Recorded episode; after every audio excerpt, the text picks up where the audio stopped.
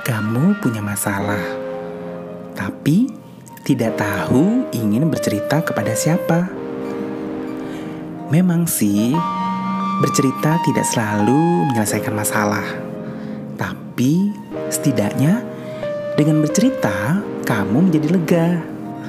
Nah, untuk kamu yang ingin berbagi cerita, bisa mengirimkan ke email rintik-hujan at gmail.com. Nama dan tempat kejadian pasti aku rahasiakan. Ditunggu ya. Podcast Rintik Titik Hujan dipersembahkan oleh dananwahyu.com.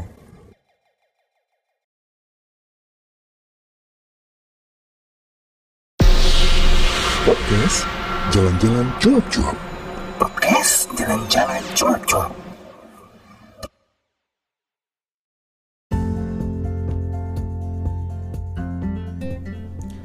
Assalamualaikum warahmatullahi wabarakatuh. Selamat pagi, siang, sore, dan malam Di mana pun kamu berada.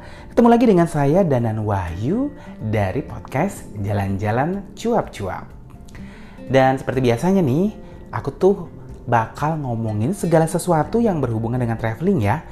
Pokoknya kalau Danan tuh gak akan jauh-jauh dari situ. Dan tema kali ini adalah Dapat jodoh dari traveling. Mungkin gak sih? Mungkin gak sih? Jadi gini ceritanya.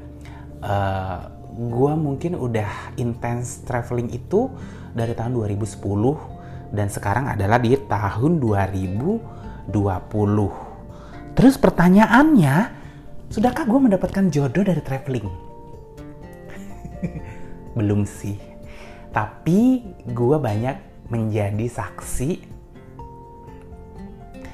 uh, beberapa temen gue yang akhirnya menemukan jodoh saat traveling gitu. Ini adalah salah satu story ya yang nyata ya. Dan gue akan share lah gitu ke kalian semua yang mungkin pada jomblo dan ngarep banget dapet jodoh dari traveling. Wah. dan gue pikir sih oke okay sih, ya boleh sih ngarep gitu ya, tapi yang namanya jodoh, maut dan rezeki itu kan di tangan Tuhan gitu. Jadi gue mau ceritain nih, jadi uh, ini adalah salah satu salah dua dingnya sebenarnya gitu. Karena dua-duanya adalah teman jalan gue gitu. Jadi ceritanya tuh waktu di sekitar 2011 uh, eh, dulu tuh gue kalau jalan kan karena gue banyak punya waktu libur gue akan cari temen jalan tuh online gitu. Jadi biasanya gue ke forum kaskus ataupun ke grup-grup yang ada di uh, Facebook Nah, biasanya kan ada open trip atau mungkin share trip gitu ya, share cost. Nah, gue bisa akan gabung tuh gitu kalau waktunya pas gitu karena ya itu salah satu tricky ya biar jalan kita lebih murah dan waktu itu adalah jalan-jalannya ke Karimun Jawa. Nah kebetulan waktu itu gue sedang mengajarkan perjalanan atau trip backpacker Jogja Semarang. Nah di pertengahan trip akhirnya gue janjian dengan salah satu kelompok trip nih gitu untuk jalan-jalan ke Karimun Jawa. Ya udah, janjian, kita arrange tripnya, terus kita kalkulasi berapa biayanya dan kita janjian itu di Pelabuhan Kartini gitu. Gue belum ketemu dengan teman-teman ini gitu. Tapi sih kayaknya mereka itu temen, maksudnya dari kampus yang sama kalau nggak salah sih gitu. Oke, akhirnya uh, kita ketemuan di Pelabuhan Kartini.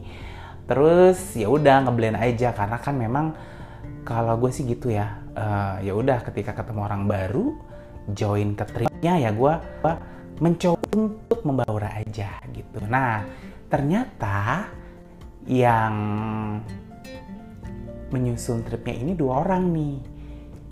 Gue nggak tahu kalau mereka ini itu tadinya temen biasa doang gitu jadi namanya itu adalah si ceweknya namanya A si cowoknya adalah W. Nah, gue nggak mau sebutin namanya karena gue belum minta izin uh, untuk apa ya, untuk sebutin nama mereka gitu. Jadi si A ini cewek kan, dan dia kayaknya yang ngurusin segala akomodasinya. Kayak gimana makannya kita, kemudian penginapannya kita di Karimun Jawa. Sedangkan si W ini itu yang ngurusin segala sesuatu yang berhubungan dengan transportasi, terus uh, tripnya kita gitu ya uh, overland gitu ya island hopping. Nah mereka sih katanya ini baru pertama kali ketemu tapi ya gara-gara kerencanaan ini sama teman-teman mereka akhirnya ketemu dan klik lah dan konon masing-masing ini masih punya pasangan gitu. Tapi nggak tahu kenapa di trip ini mereka tuh kayak jadi kompak gitu. Kan pasti kan uh, karena mereka yang range mereka yang berbagi tugas ya mereka sering komunikasi. Sampai akhirnya tuh saking akrabnya mereka kita manggilnya si Mama A dan Papa W gitu. Ya udahlah ya perjalanan ke Karimun Jawa kita amprok-amprokin gitu ya. Tapi belum berani uh, publish nih di media sosial karena sepertinya masing-masing masih memiliki pasangan. Akhirnya udah kita selesai trip, kemudian gue balikanlah ke Jambi, mereka juga balik ke kotanya masing-masing. Akhirnya kita ngerasain lagi nih trip ke ujung kulon. Wah, ini ternyata pasangannya ini udah jadian gitu. Uh, pokoknya kalau dua orang ini yang nyusun trip tuh kayaknya pas banget gitu klik banget gitu. Ya udah mereka yang nyusun. Jadi si si Papa W ini yang cariin bis kemudian si Mama A ini yang ngurusin makan gitu yang cariin penginapan gitu. Sampai satu waktu nih pas kita di di penginapan di ujung kulon kayaknya si mama ini ke kecapean. Terus pingsan lah. Terus si papa W-nya ini panik dong ngurusin. Dan dari situ gue baru tahu oh ternyata mereka sudah jadian. Dan akhirnya terus ya gue sih mantau media sosial mereka. Kita ber, uh, sempat sih jalan lagi ke kalau nggak salah tuh kita jalan ke Derawan. Itu dengan grup komunitas yang sama. Gitu. Akhirnya mereka nikah nih gitu. Dan sekarang tuh udah punya anak satu. Kemarin tuh terakhir kita komunikasi. Jadi kan uh, gue banyak banget punya komunitas jalan gitu ya. Ini komunitas ini cukup lama lah gitu dan gue juga akhirnya sering jalan dengan beberapa anggotanya walaupun gak full random lah. Kayak kemarin tuh sempet juga ke Singapura lah. Terus ke mana gitu dengan anggota ini. Dan akhirnya pas pandemi kemarin kita kumpul nih di biasa lah ya. Oh pas lebaran. Kita silaturahmi online dan ya udah mereka udah nikah gitu. Dan gue nggak nyangka sih gitu udah punya anak juga sekarang gitu. Ya itulah kalau jodoh emang nggak ke mana gitu. Tapi buat kamu nih yang belum dapet jodoh nggak usah maksa. Kalau belum dapet jodoh mikirnya ah gue pengen traveling ah biar dapet jodoh. Wah kalau itu sih susah gitu. Karena apa? Karena kamu tendensinya itu udah beda banget gitu. Ada juga yang gini. Gue nggak mau nyebutin nama juga ini ya. Ini teman gue sih. Jadi dia uh, sering lah traveling dengan pacarnya kalau ini gitu. Dengan pacarnya uh, ya jadi gini gue mau kasih pandangan buat meluruskan aja. Kadang kan orang melihatnya negatif kalau ada pasangan nih pacaran terus traveling gitu. Dan pasti mereka mikirnya wah ini pasti melakukan hal-hal yang tidak senonoh nih berdua gitu sengaja. Enggak guys gitu. Kalau kita yang biasa traveling uh, rame-rame tuh kayaknya nggak ada kepikiran deh buat aneh-aneh gitu. Jadi kayak temen gue yang biasa jalan dengan pasangannya dengan pacarnya juga jalan dengan yang lain gitu ya udah jalan mah jalan aja. Traveling mah traveling aja. Sekamar juga dengan teman-teman cewek gitu ya yang cewek yang cowok juga. Ja, tapi kadang tuh pandangan orang itu negatif. Sempet juga sih dinyinyirin gitu yang dinyinyir katanya eh jalan-jalan tuh dengan pasangan halal gitu. Ini masalahnya jalan-jalannya bukan berdua aja men, tapi rame-rame gitu. Ini buat meluruskan aja nih ya, buat kamu mungkin yang belum pernah traveling, terus ngelihat ada orang traveling berdua, dan itu ternyata travelingnya rame-rame gitu. Nah, akhirnya kan mereka ini wah udahlah pokoknya bertahun-tahun lah gitu tapi dasarnya memang enggak jodoh ya udah nggak jadi gitu. Dan lucunya gini sih dan lucunya udah akhirnya pisah nggak jadi. Kebetulan yang si ceweknya teman deket gue gitu ya. Jadi uh, sempet ya galau lah gimana sih namanya gue putus cinta gitu. Dan untuk masalah kan uh, setiap orang beda-beda gitu. Dan gue pikir sih ya mungkin memang belum jodoh kan gitu. Akhirnya sempatlah si temen gue ini galau-galau terus dia kalau nggak salah ikut kayak aktivitas gitu deh buat ngajar-ngajar ke daerah gitu ya. Ke mana ke Ambon lah ke Bali ke mana gitu. Nah ternyata dari perjalanan ini mereka tuh ketemu jodoh gitu. Wow. Akhirnya dia ketemu jodohnya gitu. Gitu jadi dia juga nggak pernah nyangka kalau pada akhirnya tuh ketemu suami yang sekarang. Karena waktu itu kan dia pikir ah kayaknya dulu aja pacaran tuh udah lama terus udah sering traveling bareng terus ya udah putus dan kayaknya juga sempat jomblo lah dan berpikirnya ya udah deh gue mau fokus ke usaha gitu ya mau fokus ke traveling gitu ke hobi. Tapi ternyata Tuhan tuh berkatanya beda gitu. Menemukanlah sang pujian hati belahan jiwa. Ya udahlah jadilah menikah gitu gitu. Jadi sebenarnya sih sah-sah aja kalau kamu memang ngarep buat ketemu jodoh, tapi nggak bisa dipaksa ya gitu.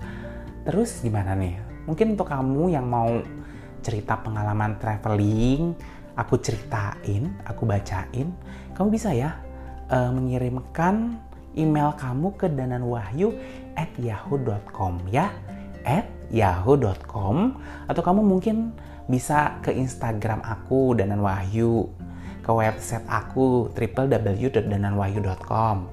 Twitternya aku juga Danan Wahyu. Pokoknya semuanya Danan Wahyu, termasuk juga channel YouTube-nya. Gitu. Terus ada yang nanya, kira-kira kalau gue pengen punya pasangan nih ke luar negeri, di luar negeri, bule, bisa nggak ya dari traveling? Bisa. dari Tinder juga bisa bu gitu. Tapi ya tetaplah nothing tulus aja. Dinikmati semua prosesnya. Kadang sih gue ngerasa juga ngelihat beberapa teman gue yang emang ngarep ya bukan nafsu ngarep gitu. Dapet jodoh memang orientasinya buat cari pasangan tuh malah nggak ketemu gitu. Tapi ketika kita memang niatnya buat traveling mengenal banyak orang bertemu dengan banyak orang itu uh, terkadang memang kesempatan atau rezeki datang gitu. Ya daripada kamu diam di rumah, kan kesempatan ketemu orangnya dikit. Tapi kalau traveling, kita tuh bisa ketemu dengan banyak orang gitu. Kita nggak pernah tahu. Mungkin sih si teman ini tidak akan jadi jodohnya kita, tapi saudaranya teman atau siapanya teman gitu akan menjadi jodoh gitu. Jadi gimana? Mau cari jodoh lewat traveling. Kayak temen gue sih kemarin tuh uh, kita kan sempet tuh jalan ke Rusia. Kita ke salah satu kota namanya Murmansk. Jadi temen gue itu ketemu dengan resepsionisnya. Ya kalau di Rusia itu kayaknya sih yang jelek jarang lah ya. Secara kan uh, kalau di mata kita yang namanya bule itu kece lah ya nah itu ada resepsionis tuh cantik gitu. Ya cantik sih kalau gue bilang. Terus dia langsung jatuh cinta gitu. Dan apa ya tiap hari tuh ngajakin ngobrol walaupun ternyata gue juga baru tahu nih orang-orang Rusia itu nggak jago bahasa Inggris. Tapi jangan khawatir guys. Sekarang ada yang namanya aplikasi. Kan gampang jadi bisa komunikasi. Jadi teman gue itu sampai bilang gini. Jadi sampai ngomong nih sama si ceweknya gitu. Kalau kamu mau nikah sama aku oke okay, bulan depan aku bakal ngajak orang tua gue ke sini buat ngelamar. Saking segitunya ya saking mungkin jatuh cintanya gitu. Tapi kayaknya sih ceweknya masih agak-agak ragu-ragu gitu. Ya iyalah secara lu baru ketemu tamu hotel terus diajak ngobrol terus dia mau serius. Hubungan kan tidak semudah itu ya. Walaupun ada juga sih beberapa hubungan yang instan gitu. Jadi memang sudah jodohnya ya udah menikah deh gitu. Terus apa lagi ya? Apalagi nih ya pasangan? Mencoba mengingat-ingat teman-teman gua yang mendapatkan jodoh dari traveling. Oh ada juga sih dari perjalanan religius. Uh.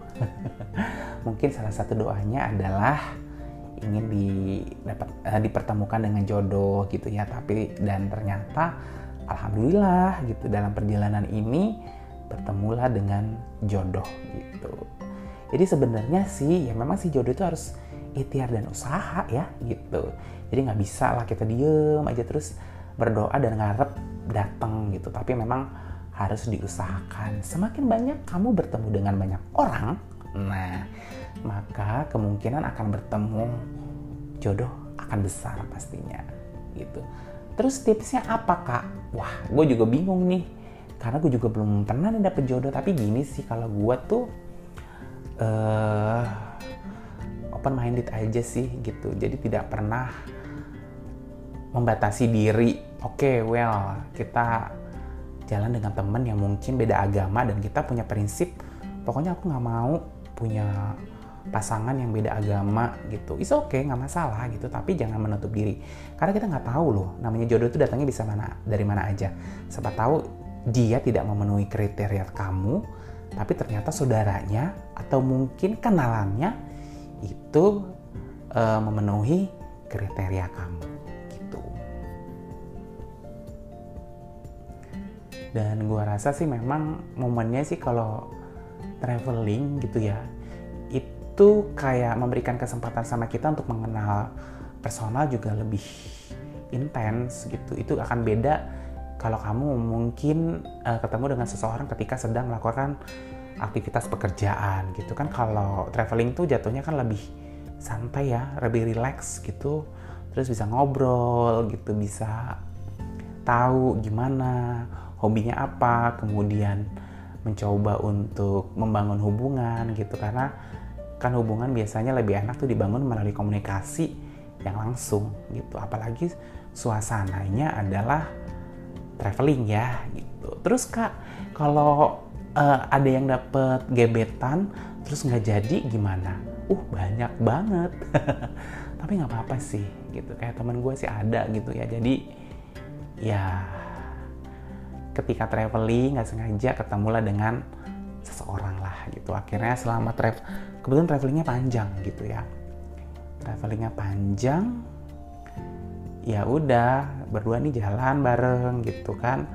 Tapi uh, ketika sudah tidak bersama gitu jarak jauh ya udah memudar lah gitu. Karena terkadang memang banyak hal lah ya. Terutama kalau uh, jadi mungkin banyak sih di antara kalian yang berpikir aduh gue pengen deh punya pasangan tuh bule gitu ya. It's okay nggak apa-apa. Tapi yang perlu kamu ketahui adalah kita yang di Indonesia aja itu beda suku itu beda kebiasaan. Nah apalagi kalau udah nih beda negara gitu. Kadang-kadang kita perlu penyesuaian gitu. Mungkin bisa jadi nih ya apa yang kita anggap biasa saja tapi mereka bilangnya itu nggak sopan. Begitu juga sebaliknya ya. Kita uh, bilang nggak sopan gitu. Padahal bagi mereka itu adalah sesuatu yang biasa gitu. Just as simple adalah ketika kamu menanyakan status pernikahan. Kalau di Indonesia mah biasa ya eh kamu udah nikah gitu. Tapi kalau di luar negeri sana itu adalah sesuatu yang tabu gitu. Nah hal, -hal seperti itulah sebenarnya yang perlu kita pahami ketika kita ingin membangun relationship dengan orang yang mungkin beda budaya. Gue bilang beda negara ya tapi beda budaya gitu. Nah dari traveling ini sih sebenarnya uh, memberikan kesempatan kita untuk mengenal lebih banyak orang gitu. Dan seharusnya ketika kamu menjadi seorang traveler gitu ya lebih open minded gitu. Jadi bisa menerima segala bentuk perbedaan gitu. Bisa paham dengan apa yang terjadi. Tanggap gitu. Umpama nih uh, adalah beberapa budaya yang mungkin di meja makan itu beda dengan kita Jadi mungkin kalau di tempat kita eh, bersendawa itu sopan nggak ya? Tapi di budaya lain mungkin bersendawa di meja makan itu nggak masalah gitu. Nah, yang gitu-gitu memang perlu effort gitu, perlu belajar banyak gitu. Makanya guys, traveling biar tahu gitu. Dan gue sih sebenarnya lebih senang traveling yang waktunya panjang ya, karena kita kalau waktunya panjang kita bisa masuk ke dalam satu lingkungan komunitas tertentu gitu ya, banyak orang-orang tertentu dan akhirnya kita dapat oh ternyata kalau di sini itu biasanya begini begini gitu gimana berminat mencari pasangan dari traveling ya wis kamu traveling terus rajin-rajin ya ngecek aplikasi Tinder sering bilang kak kalau Tinder tuh kebanyakan buat ngesek doang ya gue nggak tahu sih itu mah persepsi orang beda-beda sih gitu. Tapi sih sebenarnya itu semua baliknya ke kita. Sebenarnya apa yang kamu cari dari traveling gitu? Apa yang ingin kamu cari dari pasangan gitu ya? Kalau kamu memang sudah tahu, bisa di Tinder kan udah kelihatan lah ya kalau orang-orang yang hanya buat cari teman bobo atau mungkin hanya mencari teman ngobrol itu sebenarnya udah kelihatan lah dari uh, profil picture-nya lah gitu dan apa namanya dan ininya informasi-informasi lainnya gitu. Apalagi zaman sekarang sih kalau gue bilang tuh sebenarnya kalau untuk umpama nih kamu punya gebetan gitu ya. Terus kamu uh, kepo lah pengen tahu sebetulnya dia gimana gitu. Bisa kok di googling gitu. Lingkungannya seperti apa gitu. Kemudian kalau dari biasanya akan terlihat ya uh, dia kerjanya di mana latar belakang pendidikan kemudian lingkungan seperti apa istilah kata itu bisa dikepoin gitu tapi jangan kepo banget ya ya wes terima kasih ya udah mendengarkan podcast jalan-jalan cuap-cuap mencari jodoh saat traveling aku minta maaf ya kalau ada kata-kata yang kurang berkenan dan semoga ini bisa memberikan inspirasi untuk kamu yang mau traveling dan mau cari jodoh. Dan akhir kata dan mengucapkan wassalamualaikum warahmatullahi wabarakatuh.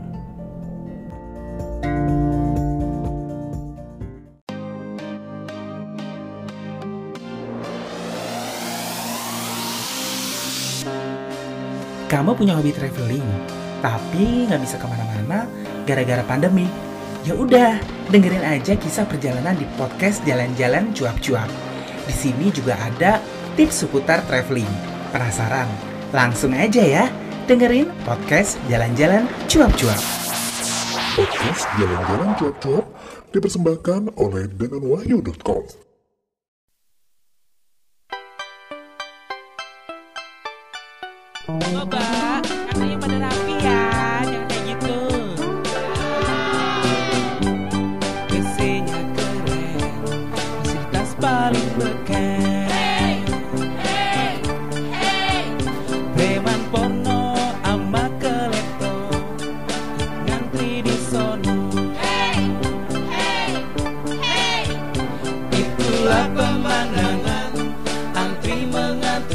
mengantri tiap hari di kampungku.